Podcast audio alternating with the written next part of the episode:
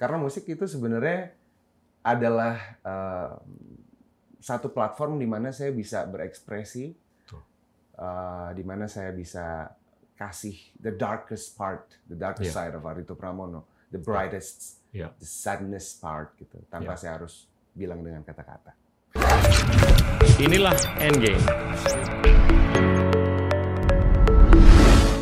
Hai teman-teman, hari ini kita kedatangan Ardito Pramono, nama yang sudah sangat dikenal oleh masyarakat luas, terkenal karena lagu-lagunya yang keren banget, dan akhir-akhir ini di layar lebar lewat film nanti kita cerita tentang hari ini dan the soon to be released Kale.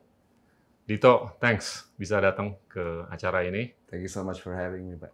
Saya tuh uh, ingin gali dikit uh, mengenai masa kecil uh, okay. Dito. Anda lahir di Jakarta tahun yeah. 95. Betul uh, di bulan Mei tanggal 22. Betul.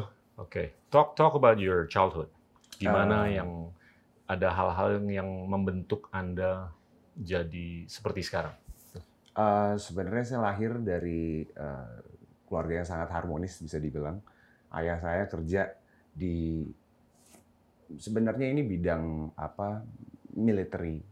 Uh, he supplies uh, pesawat apa mesin-mesin pesawat gitu. Okay gitu tapi dia jadi kebawa gitu didikannya untuk lebih patriotis gitu ke anaknya mungkin oke okay. jadi udah lumayan keras dari tapi nggak ada background militer atau kakek saya militer oke okay. sebenarnya cuman nggak turun ke ayah saya okay. mm -hmm. terus uh, saya dididik lumayan keras sama ayah saya jadi apa pun yang apa pun yang lo mau uh, lo harus kerja untuk okay. itu gitu lebih ayah daripada ibu lebih ayah yang keras yang keras oke okay. dan ibu saya juga sebenarnya mengajarkan untuk seperti itu gitu. Kayak dulu okay. saya umur kalau nggak kalau nggak salah umur 9 tahun, okay. saya pengen, pengen banget uh, ulang tahun saya dirayain satu komplek.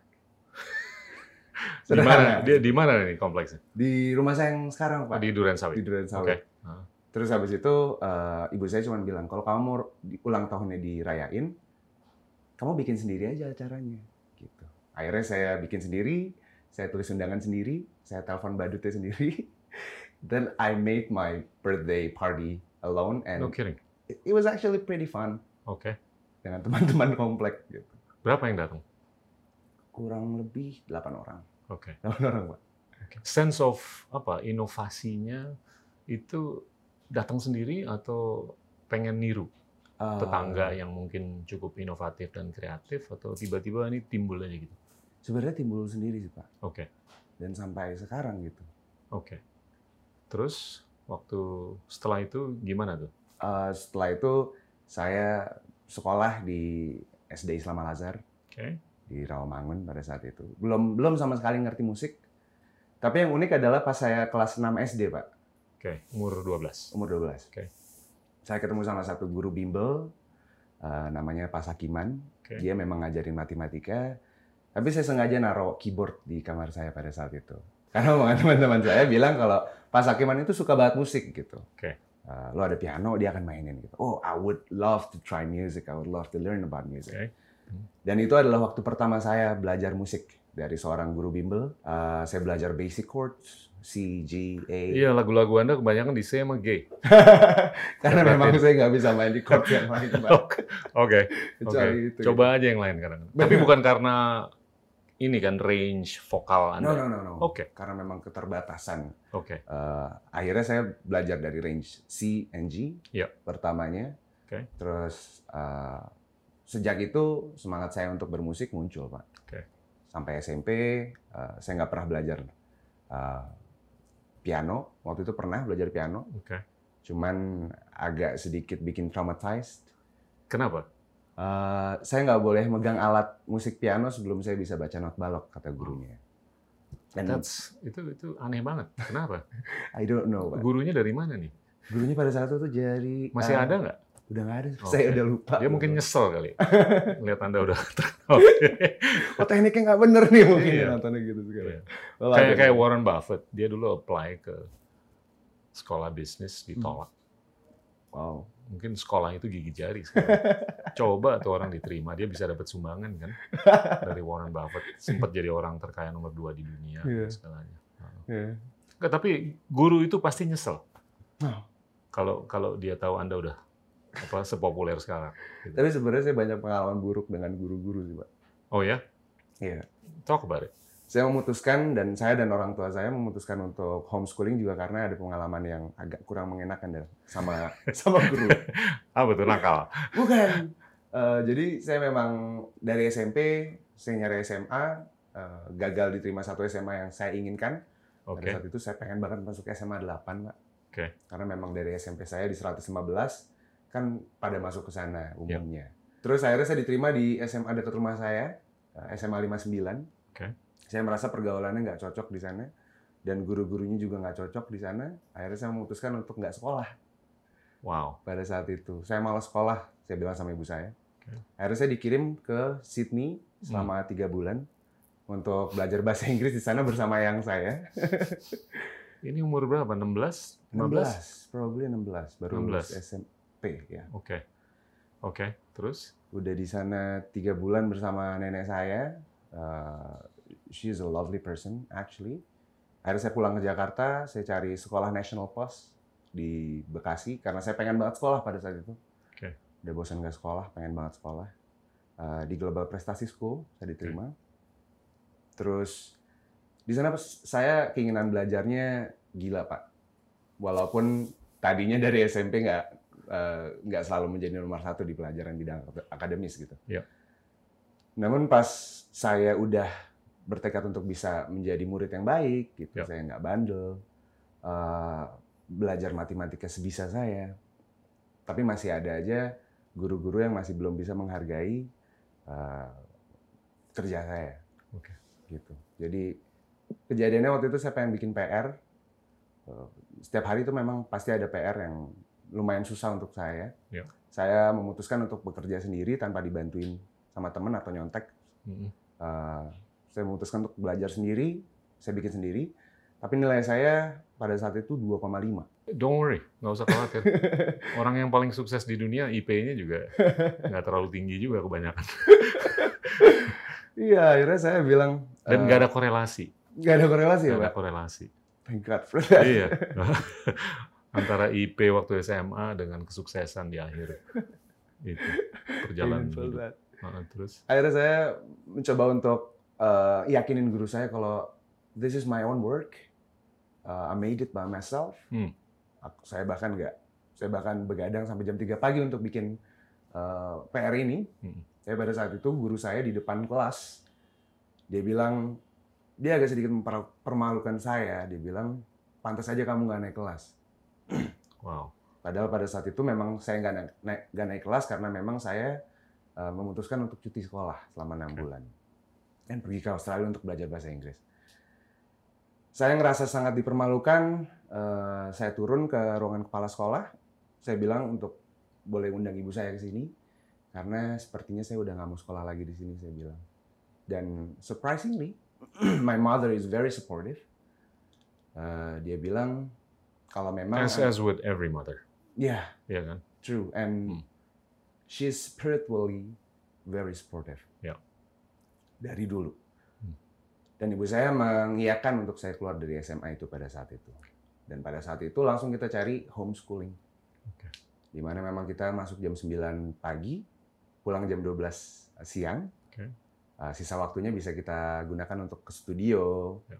Dan saya pada saat itu belajar di radio, Pak. Oke. Gitu. Jadi DJ. Jadi DJ Oke. gitu. Ada satu perkumpulan namanya Trax Ambassador. Di mana kita anak-anak SMA yang ke radio untuk mempelajari uh, broadcasting. Oke. Gitu. Dan saya satu-satunya yang dari homeschooling pada saat itu Wow. di sana. Wow. Gitu. Dan jadi memang Stasiun radio musik apa? di Pop, Trax, top 40 atau uh, top jazz 40. atau? Oke, top 40. top Oke. 40. Oke. Sebenarnya dulu itu hits hits maker, Oke. hits maker. Jadi lagu-lagu uh, British yang di sini kurang didengar diputarnya di sana semua. Oke. Dan emang itu jadi knowledge yang nggak bisa di eh, nggak ada harganya sih untuk untuk ukuran kita gitu jadi Iya. kita nggak pernah belajar itu lagi sekarang Iya.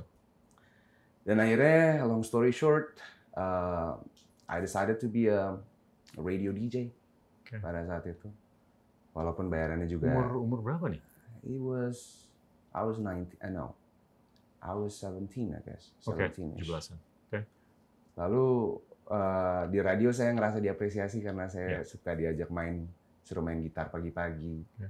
gitu. Dan di situ saya mendapatkan salary pertama saya pak di radio itu. Oke. Udah bikin NPWP belum? Belum pak, baru modal teman aja. Cut. terus terus. Terus setelah udah lama di radio gitu, eh, ibu saya memutuskan untuk saya keluar eh, kuliah di luar negeri di di Australia pada Ya. saat itu. Di Sydney. Saya pengen belajar musik, tapi memang ada keterbatasan di eh, nulis not balok. Ya. Eh, Nah itu saya heran. Anda udah dikasih tahu kan lewat Hmm. beberapa episode Hmm. untuk masuk ke musik tuh ada hurdle-nya kan. Iya. Anggaplah hurdle-nya tuh harus bisa baca Hmm. not balok. Hmm. Kenapa nggak nyempetin untuk Ah. belajar? Nyambil aja atau apa gitu? Iya, Or, or you thought you, you thought you could get away with it? I thought I could get away with it. Tapi Oke. sampai sekarang masih dihantui dengan perasaan nggak bisa itu, Pak. Tapi nggak apa-apa, banyak musisi yang terkenal di dunia, Hmm. bukan di Indonesia aja, yang nggak bisa baca Oh, not balok. Itu. iya. Tapi saya harus bela- belajar, Pak. iya, if it's if it's if it's uh, you know for whatever it's worth. Iya. Kalau saya bisa itu kasih advice. Iya. Pick up on it. Iya, will. Kayak kayaknya bakal bakal nolong, I will. Iya kan? I will. Sempat keteteran juga, Pak, kalau misalnya mau kolaborasi dengan musisi dari luar. Iya. Biasanya kan kita memang harus ada not balok yang memang kita tulis sendiri, aransemen Iya, dari iya. kita sendiri.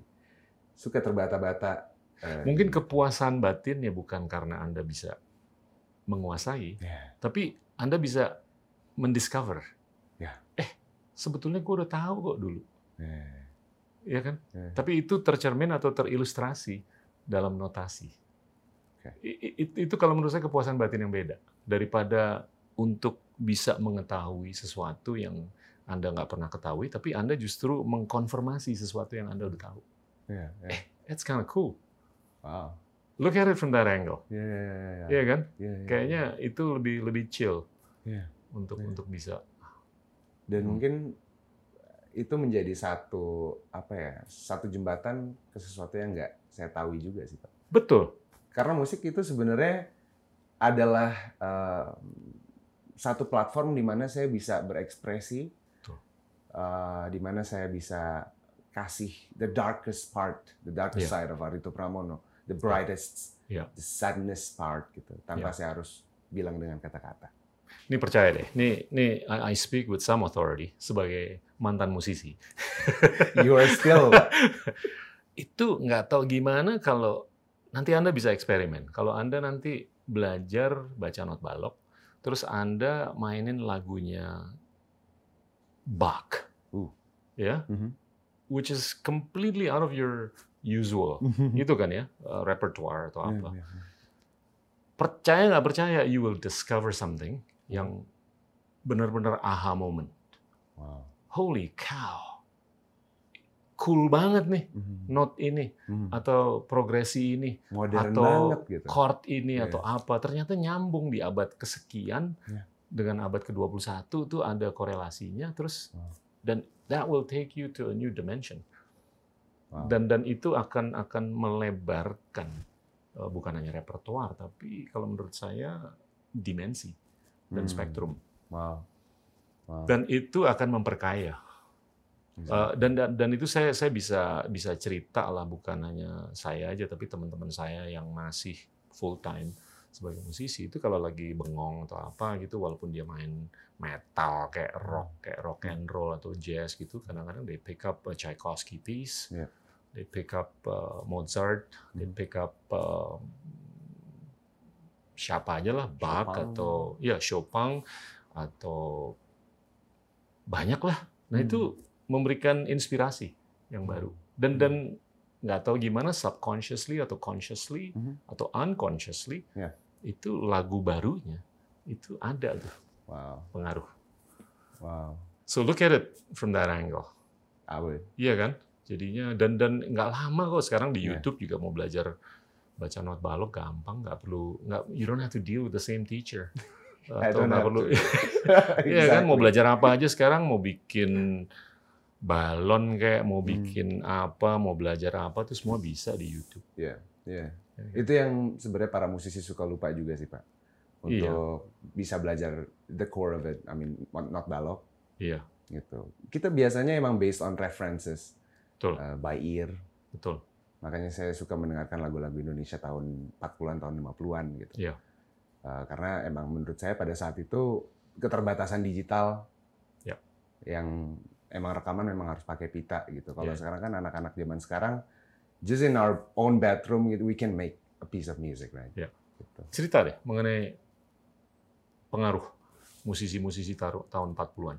Oke. Siapa aja yang Anda meng, apa, idola Hmm. gitu. Dari Sebenarnya- Indonesia, dari luar dan segalanya. Banyak dari Indonesia Pak sebenarnya. Oke. Karena yang saya eh, seorang penyanyi juga pada saat itu. No kidding. Oke. Jadi penyanyi istana Pak. Wow. Oke. Namanya Sarwi Mumpuni. Oke. Eh, she's a very sweet uh, grandma right now. Kalau saya sayang banget sama yang saya. Yuk. Dia sering nyanyiin lagu eh, Ismail Marzuki yang diciptakan untuk eh, Rita Zah eh sorry bukan Rita Zahara yang diciptakan untuk Teresa Zen pada saat Oke. itu eh, Sabdalam. Wow. Diciptakan Top. Top. Sejak saat itu saya suka digging, Mhm. eh, menemukan albumnya eh, Kisah Pasar Baru, Oke. eh, Nuri Satrijo pada saat itu. Oke. Ternyata Ini suka waktu juga. SMP udah begini Belum, atau. SMA? Eh, kuliah, Kuliah. kuliah. Oke. Kuliah tuh jadi udah digging-digging lagu tua. Oke. Gitu. SMA sih sebenarnya juga udah lumayan udah lumayan kena sama traditional jazz New Orleans. Oke. Ya Louis Armstrong, Billie Holiday, Ya. udah kena banget. Eh, terus kuliah nge-embrace it, nemu satu akun YouTube namanya Pak Dede Cipta Mas 61, Pak. Jadi random banget memang. I'm lost. Ah, terus? Ah, Jadi dia itu adalah seorang yang random banget gitu. Tapi dia sering nge-digitalize uh, dari plat Hmm. ke YouTube. Dan mostly lagu-lagunya dia itu uh, legend semua, Pak. Sam Simon, makanya saya tahu Sam Simon dari Yep. situ. Uh, Teresa Zen yang tadi saya sebuti sama uh, Bing Slamet. Ya. Gitu.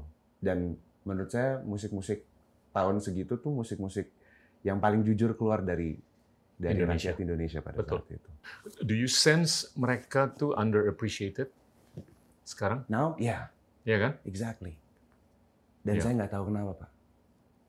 Apa mungkin karena Hmm. terlalu jauh gapnya? Hmm. Underappreciated bukan hanya secara artistik, tapi mungkin secara komersil. Iya. Iya kan? Iya. Sekarang kan intellectual property itu lebih bisa dipertanggungjawabkan. Betul. Tapi ya legenda-legenda seperti mereka itu Iya. saya nggak tahu secara komersil mereka tuh udah diperhatiin apa enggak Betul, dari sisi intellectual property-nya kan. betul. Ya. Gak ada yang mau, maksud saya emang memang lagunya di uh, 50 tahun semua, umurnya hampir di atas 50 tahun semua gitu. Dan Iya. Banyak banget yang sekarang mempergunakan lagu itu dan bingung izinnya ke mana gitu. Pak. Iya. Karena nggak ada yang memperbaharui copyright-nya kan. Tapi sekarang saya cukup optimis karena pipa-pipa baru seperti YouTube, Ya. Spotify atau Anchor atau Apple gitu kan mereka cukup kelihatan menghormati intellectual property. True. Terstruktur kan? Betul. Iya kan? Bahkan kalau ada Anda tampil di mana, terus nggak tahu gimana dimasukin ke channelnya siapa Hmm. gitu, nggak tahu gimana YouTube tuh punya algoritma True. untuk Betul. menotifikasi Anda kan. Iya. Dan mereka juga bahwa Anda harus dapat berapa sen, Yeah. berapa dolar, Iya. berapa. Iya kan? Iya. Ya, saya tinggal berharap gimana musik-musiknya para legenda tersebut Betul. itu bisa lebih bersinar di pipa-pipa yang baru ini seperti YouTube dan lain-lain. Betul. Ya kan? Dan dan I think you can play a big role untuk mengpopulerkan atau mengrepopulerkan Yeah. lagu-lagu mereka. Yeah. Have you ever thought about doing covers? I actually did. Okay. Uh, I- made this program on my YouTube channel. Oke. Namanya Jas Merah, Pak. Wow. Oke. Kutipan dari, Sorry I missed that. uh, Yeah. Bung Karno. Memang di di cover cover itu uh, saya nge rearrange, tapi nggak begitu jauh dari penyanyi aslinya. Lagu-lagu yang udah cenderung dilupakan. Kayak kemarin baru aja saya nge-cover lagunya uh, Oslan Hussein, Pak. Oke. Berjudul Ombak Samudra. Saya dapat cerita dari seorang kawan. Dia bilang lagu ini adalah suara hati rakyat Indonesia pada saat itu saat sering ditinggal Bung Karno ke luar negeri. Hmm. Gitu. Dan eh, dia memetafora metaforanya dibilang ombak samudra dia bilang. Terus uh, saya bikin cover di situ dan di belakangnya saya sedikit kayak kasih penjelasan tapi ala-ala RRI gitu Oke, okay. nggak apa-apa. gitu jadi dan banyak gitu kayak agak sedikit cultish sih yang suka gitu tapi at least I got Man, your cult is big. Thank you. Yang nonton Bitter Love aja udah berapa tuh? 17-18 juta. That's not a cult, man. That's a nation. beda, Pak. Beda ternyata. Yang suka sama Bitter Love sama yang suka sama movement saya. Tapi Anda bisa giring. Oke. Okay. You believe in that. Dan dan saya percaya dengan cross dan crossover. Yeah. Iya kan? Yeah, yeah. Itu itu I think you can play a big part untuk untuk menggiring mereka yang udah suka dengan apakah 9 to 5 kayak, hmm. Better Love kayak dan lain-lain itu digiring ke apa yang ya contohnya lah kayak John Mayer. Yeah. Dia mau main lagu apa tapi tiba-tiba dia ke Wyoming eh ke Montana dia bikin recording country. Yeah. Iya kan? Terus crossnya tuh indah banget dan itu nggak tahu gimana ketemu dan yeah. interseksi antara dua genre itu justru melebarkan bukan hmm. hanya bukan hanya repertuarnya Anda tapi audiensinya. Dan kultnya atau cultnya. Atau komunitas. Ya ya kan? Nah sekarang uh, followershipnya gimana untuk channel apa red uh, apa uh, YouTube channel yang lagu-lagu lama ini? Yang cover dari lagu-lagu lama? Sebenarnya itu uh, dari saya sendiri pak oke okay. jadi emang nggak ada kerja sama sama orang lain atau okay. atau gimana. Jadi kadang-kadang memang saya lagi suka sama lagu tertentu yang okay. baru saya discover, terus saya bikin produksinya hari itu dan saya bikin video klipnya sesederhana itu gitu yeah. rekam pakai handphone doang. At least uh, I can show uh, my community about my about the old song that I just yeah. found. Gitu. Banyak yang ini nggak ngikut? Banyak banget. Iya kan? Udah berapa sekarang followersnya? Uh, terakhir saya cover lagunya Rudi Rusadi. Hmm. Uh, itu yang nonton 100 ribu, which lumayan. Wow. wow. Lumayan. Lumayan banget. Mm -mm.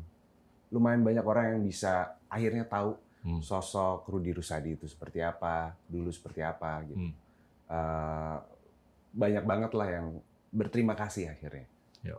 Kalau saya lihat ada beberapa episode di mana Anda tuh kalau emang nggak suka dengan sistem, yeah. screw it Terus bail. Iya kan? Dan orang tua Anda tuh selalu support. Iya ya kan? Ya. Dan itu kalau menurut saya ekosistem yang yang bagus. Ya kan? Kadang-kadang the rebel in you kalau di sistem apakah sekolah kayak atau di komunitas atau apa tuh nggak didukung ya.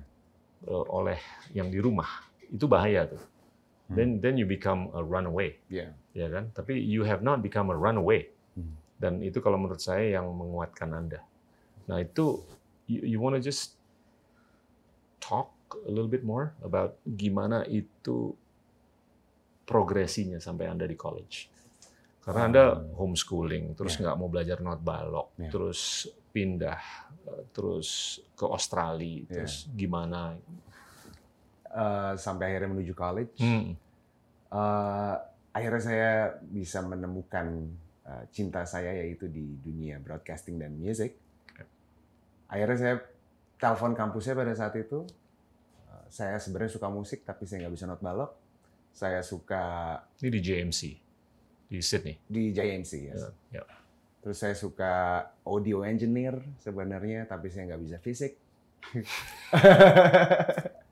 so what okay. should I do? Uh, I think I should yeah. take film then. Yeah. Karena film sama musik kan masih berkesinambungan dan uh, saya juga suka banget sama musisi-musisi uh, pengisi scoring film-film zaman dulu hmm. gitu yang emang jadi idola saya sampai sekarang dan akhirnya ya I took film college in college okay. terus uh, ternyata di film juga bisa menggabungkan antara cerita yep. dari skrip itu sendiri untuk jadi sebuah lirik that's what happened in 9 to 5 actually yep Uh, saya pernah punya pengalaman kerja yeah. 9 to 5 dan I just couldn't get out get it out from my mind. That years, you know. Uh. dan akhirnya jadi lagu 9 to 5 gitu. Jadi film sangat berpengaruh banget.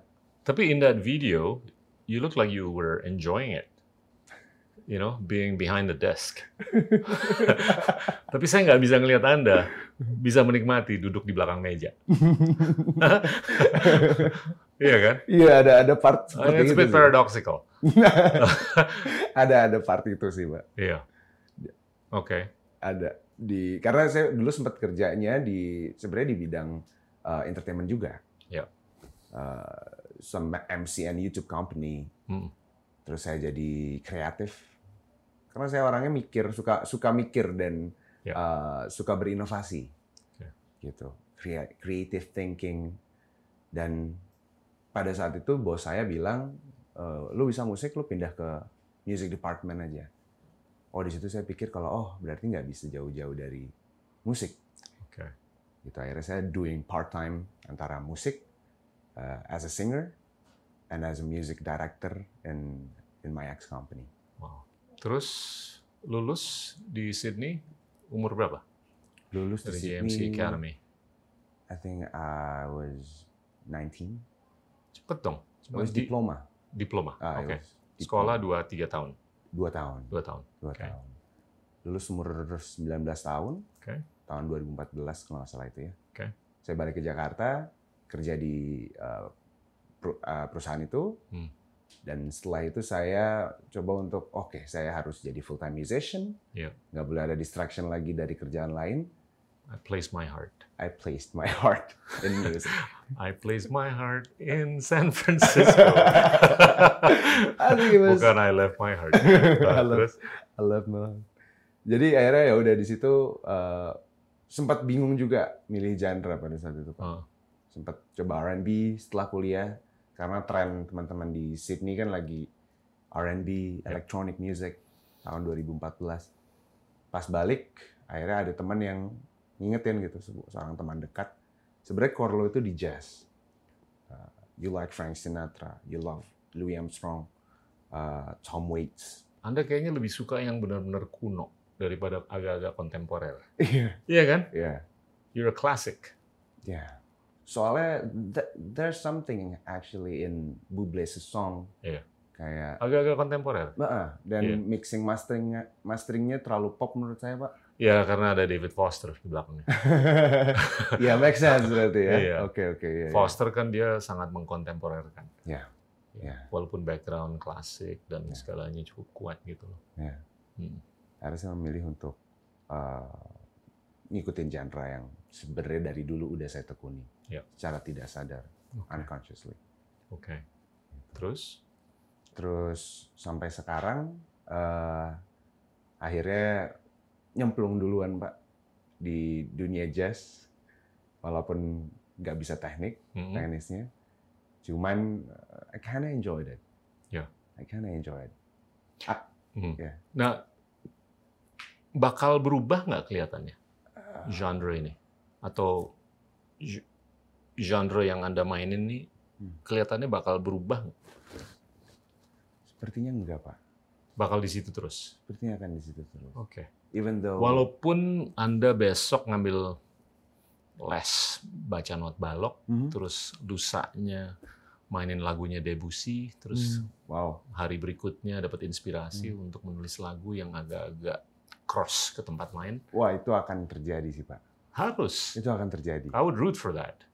Itu akan terjadi. Hmm. Karena kalau misalnya saya suka history music juga. Iya.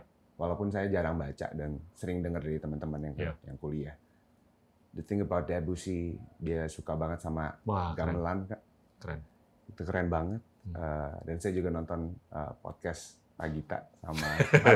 This show is about you, man.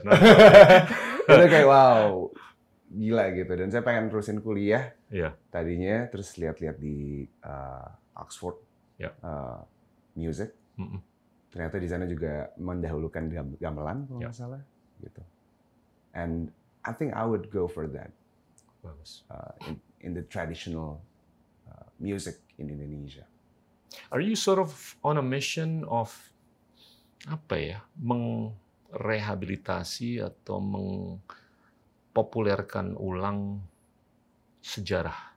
Of course. Iya kan? Ya. Itu kayak di benak Anda ya? Iya. Iya. Iya kan? Nggak musik-musik dari tahun 40-an di Indonesia, kayak Hmm. tahun 50-an di Amerika atau Iya. di mana gitu. Ya. Oke. Sampai sekarang. Bahkan sampai gamelan pun. Iya. Oke. kakek saya main gamelan soalnya. Pak. Ya. Hmm. Dan saya nggak pernah ketemu sama kakek kakek saya. Oke. Saya dapat cerita banyak tentang beliau. Makanya dari situ mungkin mimpi saya untuk bisa uh, memainkan ulang, memperkenalkan lagi ke generasi sekarang musik-musik yang udah cenderung dilupakan. Karena banyak juga Pak, saya nanya sama musisi umur tahun-tahun 70-an, 80-an tentang musisi tahun 50-an, Yep. uh, they choose to not talk about it and I don't Atau know why. mereka nggak tahu. Probably. Iya. Most likely. Wow. Iya kan? Hmm. Dan apalagi yang sekarang. Hmm. Mereka paling dengerin yang baru-baru aja. Nggak usah sebut nama. Inilah Endgame. Di episode Endgame berikutnya. Uh, dari pengalaman-pengalaman seperti itu saya belajar banyak Pak. Hmm. Kalau ternyata memang most likely everybody, everybody loves uh, my work Yeah. and music, Okay. but they don't really care about my thoughts.